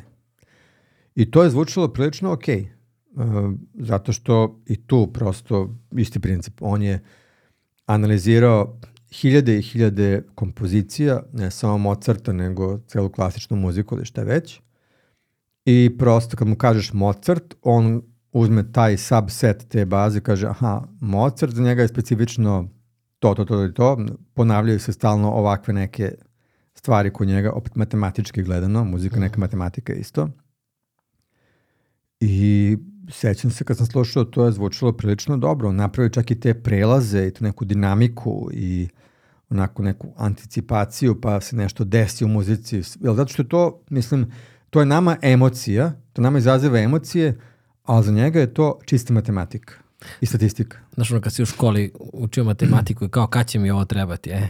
Da, da, da. Evo nas, sve, se, sve se vrti u krug. Uh, samo onaj jedan deo imam argument za uh, blokadu, za pisanje. Mislim da uh, će ovo biti jako primenljivo ljudima, ali sa druge strane mislim da će ta umetnost i kreativnost još više doći do izražaja zato što kao neko ko je, ko je pisao i ko, ko piše, znam da je gledanje u prazan papir i ta frustracija kada se prevaziđe ta blokada, taj problem sa blokadom, to je zapravo najkreativniji deo, jer ti onda tu stvaraš ono što kasnije samo zapišeš i, i krene kao neki talas, znaš. Pa ali, da, da. ali gledanje u prazan papir je čudo i možda najvažniji deo procesa pisanja. Pa znaš, da. Tako da mislim... A, zato što kreativnost je ono što chat GPT ne može da izvede. Znaš, napiši mi kreativan opis ovog mikrofona. Sad vam kao... Opet uh, statistika. E, ali fora je što je kreativnost van statistike. To je glavno fora. Kreativnost je nepredvidiva. Odnosno, kreativnost je e, zapravo Uh, svi koji su proučavali mozak i to šta je duhovito, šta je kreativno, to je sve ista fora. To se dešava kada ti spojiš nespojive stvari, kada u istoj rečenici se nađu pojmovi koji nikada nisu bili u rečenici i tako dalje. Tipa, je li imaš neki primjer? Uh, ok, evo, ajde možemo da se vratimo na primjer mikrofona. Ja mogu da upotrebim neku metaforu vezanu za mikrofon, mogu da kažem, ok, hajde da uzmemo bananu i mikrofon. Kako mogu da u istu rečenicu stavim i bananu i mikrofon? A, I sad ne znam, ono, onda bih lupetao. Na bananu možemo da se okliznemo, na mikrofon. da. A, banana i mikrofon možda slično izgledaju, ali će vam ovaj mikrofon uh, mnogo bolje služiti zato što možete da ga uključite u miksetu i snimate podcast dok banana možete samo da pojedete, na primer. Mm -hmm. I to je, aj kažemo, nije baš duhovito, ali poenta je u tome. E sad, šta, mo, šta chat GPT može da uradi? On može da uradi ako mi kažemo e, napiši mi rečenicu u kojoj ćeš da spojiš bananu i mikrofon u istu rečenicu. I mi napisati nešto slično tome. Ali da se on sam seti da stavi bananu u rečenicu, to neće nikad moći. Mm, jer, kao, jer to je random. Znači, a, to je možda deluje absurdno, ali a, najteži problem za kompjuter, od uvijek bilo i ostalo, je generisanje slučajnosti. Znači, to se zna ljudi koji se bave security-em. Uh, ti da bi u security-u imao uh, beskonačnu sigurnost, tebi treba softver koji generiše slučajni broj. Između 0 i 100, na primjer. Sad lupio sam ja to. Između 0 i milion, ajde. I fore što uh, to radi neki algoritam koji je zavisi od nekih faktora, predvidivije i taj broj koji on generiše nikad nije 100% slučajan, nego dobar haker uvek može da utvrdi po kom principu će on da generiše slučajni broj i da ga presretne. Stvarno? Da, da, da, da. E, i sad ta, ta fora, to generisanje slučajnih brojeva, to je naj, najteži problem do te mere da, da u nekim uh, najozbiljnijim sistemima oni bukvalno uzmu neke predmete iz prirode, neke pojave iz prirode i uh, iz njih izlače slučajne brojeve i to ubacaju u kompjuter. Ove, jer uh, jedino u prirodi su stvarno prave slučajnosti, Hmm. a kompjuter ne može da ih nikako stvori. Ovo je samo i dokaz zapravo da u, svakoj, u svakom haosu postoji struktura i da u svakoj strukturi možda imamo i malo haosa, ali Jest. neodvojivo. Neko je rekao, uh, ima jedan super meme video kao neki umetnik. Ove, kad se pojavio taj Mid Journey koji generiše slike, kao, i onda je video kao, pa kao, jeste, kao Mid Journey može da generiše digital art i sve je to lepo. Ali kao šta Mid Journey ne može? Ne može da ode u Berlin, da uđe u noćni klub i da se tamo overdozira kao pravi umetnik. To mu fali. Da. To mu fali. Kaži mi, spominjao si Masterbox u nekoliko navrata, uh, kroz to da si rekao moji studenti i moji polaznici, ovaj, uh, za sve ljude koji se ozbiljno bave marketingom, ovo neće biti nova informacija, to je da ti imaš Masterbox platformu, ali za ljude koji žele da počnu se bave ozbiljno marketingom i žele da nauče više i da uče od tebe, što toplo preporučujem, jer sam ja prošao kroz sve tvoje kurseve na Masterboxu. Hvala. Ovaj, I ono što smo mi, Ema i ja pričali pre recimo dve godine, malo više, dve godine, o ne, ne, nekom tom blogovanju i tako dalje, onda je Ema našla nekog lika u Americi koji je pričao nešto vrlo slično, sam samo rekao, ovo objašnjeno na ovaj način, ovo objašnjeno kroz istokov način su kao da mi ovaj priča 2 plus 2 je 4, a istok je uključio tri je nejednačine, tri nepoznate koje je spojio u x, ali ja sam ovo bolje razumeo. Da. Znaš, tako da stvarno genijalan posao ste, od, ste odradili i ovaj, toliko nesebično je dato Hvala. mnogo znanja na platformi šta je Masterbox. Morao sam napraviti ovakav uvod zato što je... Uh, mi smo napravili tu, Ivan i ja, uh, za početak su bili naši kursevi samo marketinga, onda smo napravili Masterbox kao neku platformu više ko je, ne znam, koristio recimo Skillshare, Domestiku, Mhm. Masterclass, do duše nije isto, ali slično je. Uglavnom ideja je da uđete tu i imate sad i moje kurseve koji su, mislim, da kažem, najgledaniji, nije da se hvalim, ali jesu najgledaniji. Koliko studenta je prošlo? Uh, pa sad smo već prešli 10.000, nisam baš ispratio, mislim da je 12.000 uh, ili 11 i nešto, tako. Uh, u svakom slučaju tu su i ti moji čuveni kursevi, tu su i kursevi od drugih ljudi koje smo mi uh, pažljivo odabrali. Evo, uh, sada se pojavio kurs novi za prodaju. Uh, trenutno snimam kurs za engleski jezik, bit će jako zanimljivo. Da. Kurs da naučiš engleski u, Ne, ne u da, digitalu? Pa, ne da ga naučiš, prosto kurs je namenjen ljudima koji imaju neki, ajde da kažemo, nivo A2, recimo, a hoće da ga podignu recimo neki B1, B2. A, znači, ko hoće da radi sa strancima, a da ne zvuči baš ono kao Tarzan English i tako dalje. Negativac u Hollywoodu. Da. E, a, radim sa čovekom koji, vidjet ćete, bit će uskoro taj kurs, a, koji je skroz u jednom mom fazonu i na isti način objašnjava, kao što ja objašnjavam marketing, tako on objašnjava engleski. Fenomenalan lik, vidjet ćete, to je sad ono u pripremi, bit će objavljeno uskoro. Strava. Ove, i, uh, I mi onda sedimo, uh, znači kurs je u formi podcasta, tako smo ga snimili. Mi sedimo i pričamo i on mene pita, ajde proverimo tvoj engleski, kako bi rekao to i to. I onda ja kažem, i ovaj, on mi da sve teže i teže i teže. I onda kad ja failim, onda mi on kaže, e, nije nego je to zato što ti radiš na srpskom, Aha. Uglavnom se kurs vodi na to kako da prestaneš da prevodiš sa srpskog na engleski u glavi direktno, što njima zvuči čudno, i kako da počneš da zapravo razmišljaš direktno na engleskom, da te fraze koristiš kako bi trebalo i tako dalje. Plus, uh, on je isto imao jako, jako puno ljudi i firme i sve. I on zna tačno gde naši ljudi greše u engleskom jeziku najčešće.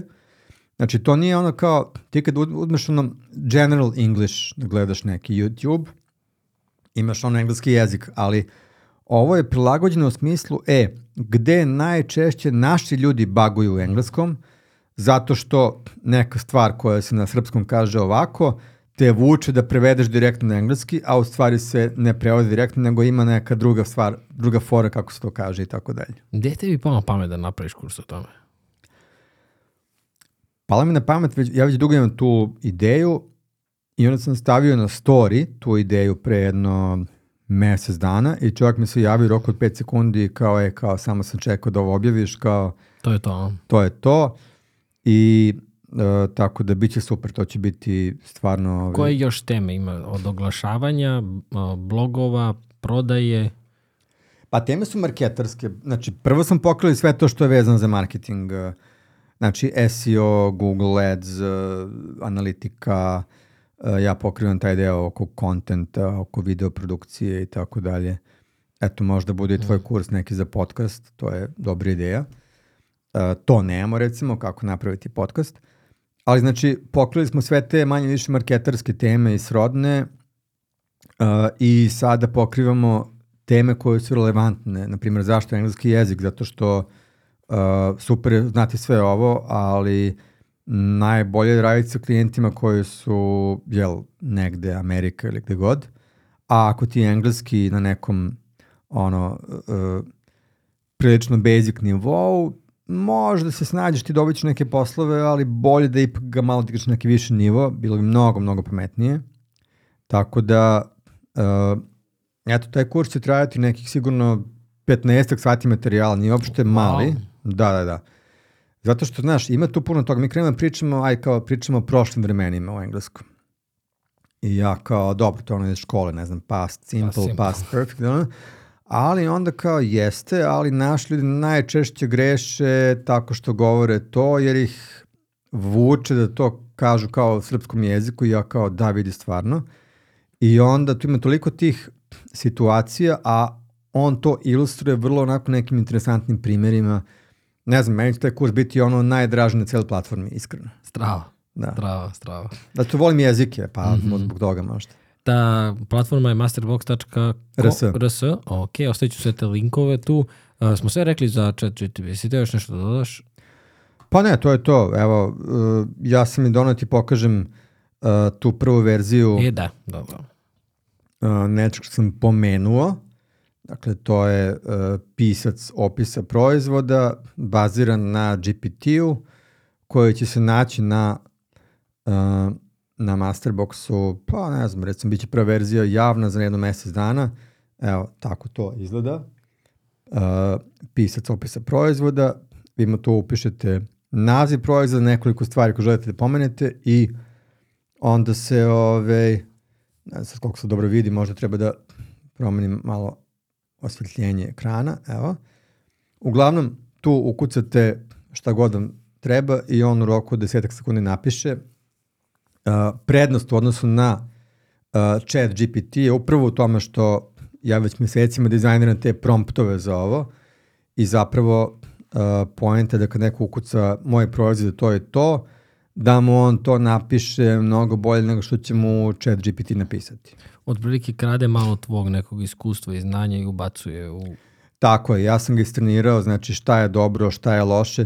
Isti ovaj princip, uh, sve što mi je on davao, ja sam mu govorio, ne, ne, ne želim da mi govoriš, uh, nema nikada da pišeš ovo ovako, piši ovako i tako dalje.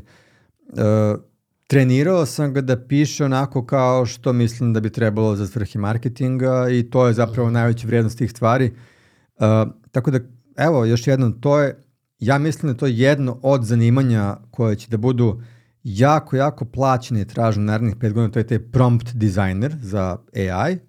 Znači, ljudi koji će da skontaju uh, kako dođe neku firmu gde radi 500 ljudi, jednu istu stvar, i da uđu u srž njihovog poslovanja da kažu, aha, dobro, dobro, dobro, znači tu su mesec dana proučavaju tu firmu i da kažu, e, ok, promptovi koji vama trebaju, evo sad sam ih napravio, to je ono ovih 50 promptova, oni će da vam uštede mesečno 100.000 radnih sati. Koliko, koliko vredi da neko to uradi? Znači, Da, da. zanimanje prompt dizajnera će biti jako traženo i plaćeno i oni koji bi to naučili da rade dobro će sigurno uh, u narednim godinama moći od toga jako puno da profitiraju. Eto. Da li misliš da moraju da imaju neko, neku prošlost i iskustvo iz marketinga ili misliš da će biti to svestranost neka? Mislim da je više uh, poznavanje jezika, komunikacije i prosto zdrav razum, čak i neka biznis logika pre svega, da oni mogu da uđu u određenu firmu, da vide procese. Prosto znaš, taj prompt design treba da sedne sa nekom osobom koja po ceo dan radi neki posao i kao, ok, ajde pokaži mi sad uh, kako ti to radiš. Onda on kaže ili ona, pa evo ja dobijam, ne znam, svakog dana 150 mailova od ljudi koji pitaju kada će mi stigne paket, a ovi drugi pitaju uh, da li mogu da izmenim adresu, ovi treći pitaju to je to, ja kao, aha, dobro. Znači, to je tvoj posao. I koliko mi ljudi u firmu koji radi tvoj posao, ne kaže, pa ima nas, ne znam, 50 koji radimo ovo isto. Aha, dobro. Daj mi najčešće situacije, kako ti na to odgovaraš, uh, šta najčešće pitaju, tra la la, ja sve to uzmem, uh, podesim GPT da radi kako treba uh, i napravi se, ili se naprave promptovi, Ili kao što sam ja uradio, napravi se gotova aplikacija koja ima te promptove u sebi, da ne moraju stalno to ne copy-pasteuju, koja će da uh, ubrza procese i da im uh, ispisuje te odgovore i tako dalje. I onda za, za druga radna mesta isto tako i tako dalje. Onda taj prompt designer u firmi bi zapravo automatizovao i ubrzao sve procese koji se zasnivaju na nekoj komunikaciji. Neverovatno, prosto. Da. Ali, evo, imamo na stolu studiju, tako da je moguće. Evo, nije, ja sam napravio nije, svoj prvi, da, da. da. Nije budućnost. Da. I mislim, evo, gledajte mene, na primjer, šta ja radim. Znači, ovo sad savjet svima. A, obično ljudi, ja imam dugo iskustvo i već neko izgrađeno ime, većina ljudi u mojoj poziciji bi prestali da uče. Znači sad pojavi se ovo, Ili mi rekli, dobro, to će da nauči neki klinici da rade, mene više mrzi s time bavim, ja ono moje staro pre 10 godina ću da učim ljude i tako dalje. Ali to ne može tako. Znači, bar je to moje mišljenje, znači, uh, kad se pojavi nešto, ja gledam da budem prvi koji će to da nauči, a ne da čekam da nauči neko drugi ko, ne znam, ima više vremena da se bakće s tim ili kako već neko to zamišlja. Jer meni je to posle se bakćem svojim novotarijama, to je srž mog posla. Ja kad sam, kad sam vidio ovu knjigu, ja sam te pitao, e, ima još nešto bre, što ti treba da naučiš, ali ovaj, sada kad pričaš o ome... Uh... Pa evo, to, je, to oni piše u knjizi, to je taj uh, specific knowledge, kako on kaže, specifično znanje. Uh, dakle, što više uh, specifičnog znanja i da se prati sve što je novo. Zašto? Jer uh, ti onda imaš dovoljno znanja kako da povežeš više tih novotarija u jedan sistem. Uh, zato što ja sad odmah kažem, dobro, pomoću ovoga mogu znači da napravim to, to i to, a kako mogu to da povežem s nečim što već imam od ranije, već bazu korisnika, imam već nešto razređeno od ranije, pa samo ću sad na to da dodam ovo i tako dalje. Znači, zato je bitno da pratite nove stvari, da uh, I onda u nekoj u nekom trenutku, kako Naval kaže, će se složiti kockice da vi iskombinujete tu jednu novotariju i dve neke stare stvari već poznate u nešto novo što je kombinacija toga što će da bude cijelom svetu potrebno. Bum, da, da, da. da. da. To je, to je kao kada ovaj, ja gledam primer podcasta gde, gde sam ubacio, ne znam, radio sam dugo kao konobar, pa uh, Uh, ne znam, kod, kod Siniše sam bio asistent, da sam imao prilike da radim sa ljudima, da pričam, da, da ovo, da ono, i kad se pojavio podcast, bilo je pravo vreme na pravom mestu sa već poznatim nekim alatima, znaš, koje se samo je to tako spojilo i ok, naučili smo da montiramo neke druge stvari i tako da je nebitno, da. ali se desilo da, da, se, da se desi prava stvar, znaš, prosto to da, neko da. spa... Ali tu možeš da imaš i dosta poverenja u sam proces i da ti ne bude mrsko uh, da nešto novo primenjuješ. U mom slučaju to bilo snimanje yes. svega ovoga. Znaš, sećaš se ti, ti si bio u 22. epizodi, to mi je omiljeni broj, zato sam i, i zapamtio. Ti si bio u 22. Sećaš se studio naš u Beograđanci bio potpuno neke drugačije kamere, pogledaj se sad kad uđeš, delo je potpuno drugačije, znaš. Da, da, da. Pa evo to recimo Andrew Huberman priča u svojim podcastima, uh, ko možda njega ne zna, uh, Huberman je ovaj... Uh, jedan od najpoznatijih naučnika na YouTube-u koji ima puno toga o hormonima, neuro, ne, ono, neurologija mozga našeg i tako dalje.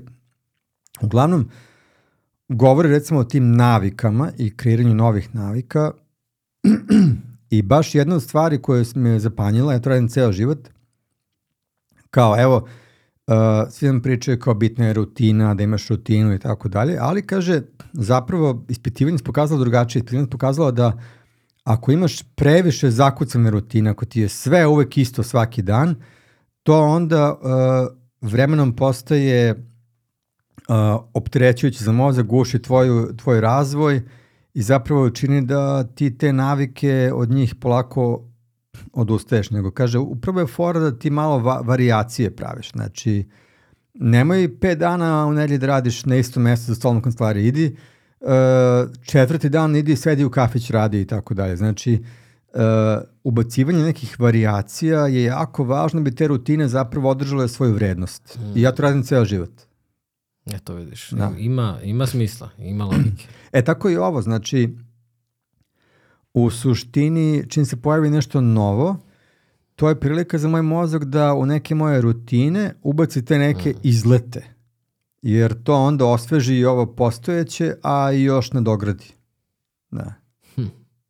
Evo kako istok razmišlja. Ovo je ovako iza, iza scene, ovaj, ali, ali dobar, dobar podsjetnik za da se malo preispitamo, znaš. Da. Ovaj, kaži mi, m, pored Navala, jer imaš još nekog od koga ovaj, crpiš inspiraciju ili znanje da, da možeš sad da se setiš?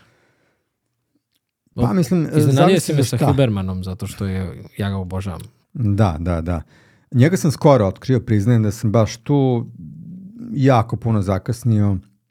On mi je iskakao tako godinama i kao, ok, aha, ovo on je naučnik, nešto priča, ali dobro, ajde, ne znam, to je vjerojatno nešto što mene ne zanima. Dok nisam zapravo skonto da me zanima i kako. Uh, I evo, to je recimo jedna stvar koja je jako važna, da se uče iz nekih oblasti koje nisu direktno tvoje.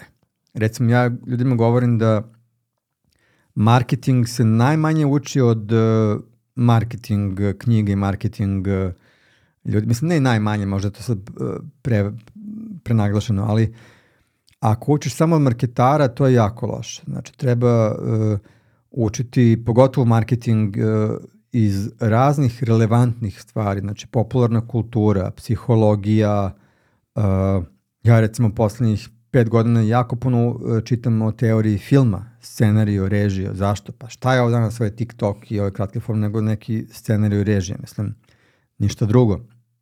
I tako da što više naučiš stvari iz relevantnih disciplina, to bolje.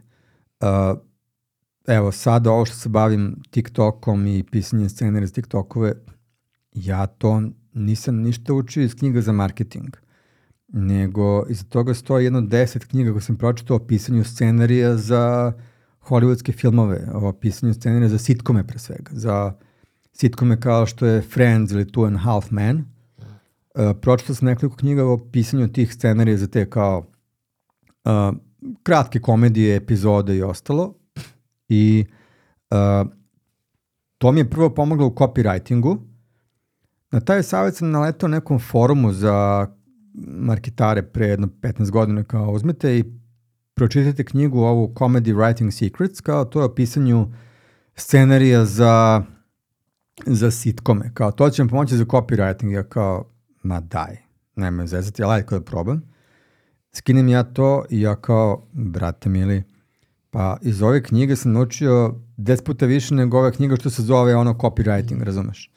Zato što šta, ti tu vidiš onda neke stvari koje kažeš, a pa čekaj, ali onda ja kad na landing stranici pišem to je to, to je u stvari ovo. I onda kao, pa jebote, isti je sistem. Ovaj ovde piše da bi ljude nasmejao, a ja ovde pišem da bi ljude nasmejao, zabavio i da ih opustim da kupe proizvod i tako dalje, ali princip je isti. I kao, I onda čitaš redom, redom i kao, a, ok, e sad šta mogu još iz ove knjige da primenim što marketari ne pričaju, a ja ću da pokupim iz ove knjige i tako dalje. E, to je to. znači, spajanje iz više, iz više sfera. Sad kad pričaš o, o kad, kad si rekao Two and a Half Men, pre recimo tri meseca sam u restoranu gde radim u Americi da? služio jednu, uh, ona, ona je poznata ličnost, poznata glumica i tako dalje, međutim ja nisam imao pojma ko je.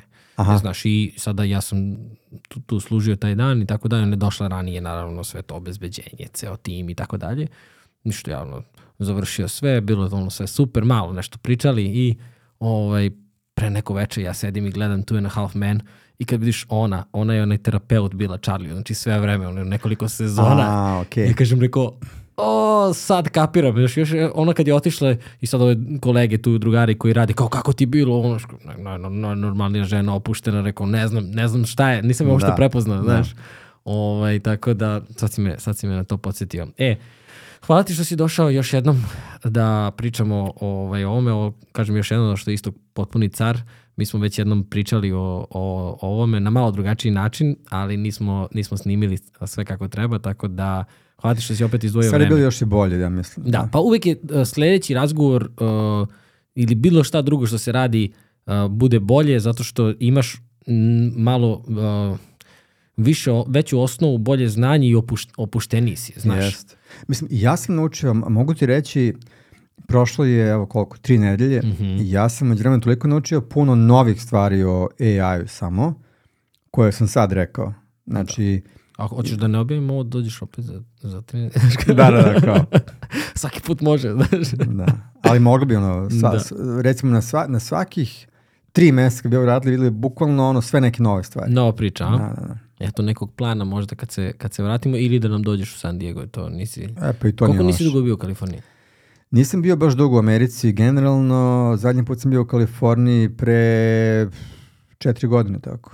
Mm, Da. trebalo bi da dođeš. Trebalo bi, da. Da, redi. Išao sam jedno vreme na svakih tri meseca, sad dok nisam. Sad imaš razlog, evo. Da znaš. I poziv, to je još bitnije. Da Hvala znaš. Ovaj, hvala tebi stvarno čoveče na, na, na ovoj priči i ovaj, drago mi je da smo pomenuli Navala. O, ja ga Također. lično, lično obožavam, tako da uvijek je dobro dati nekom isto kao neku novu informaciju.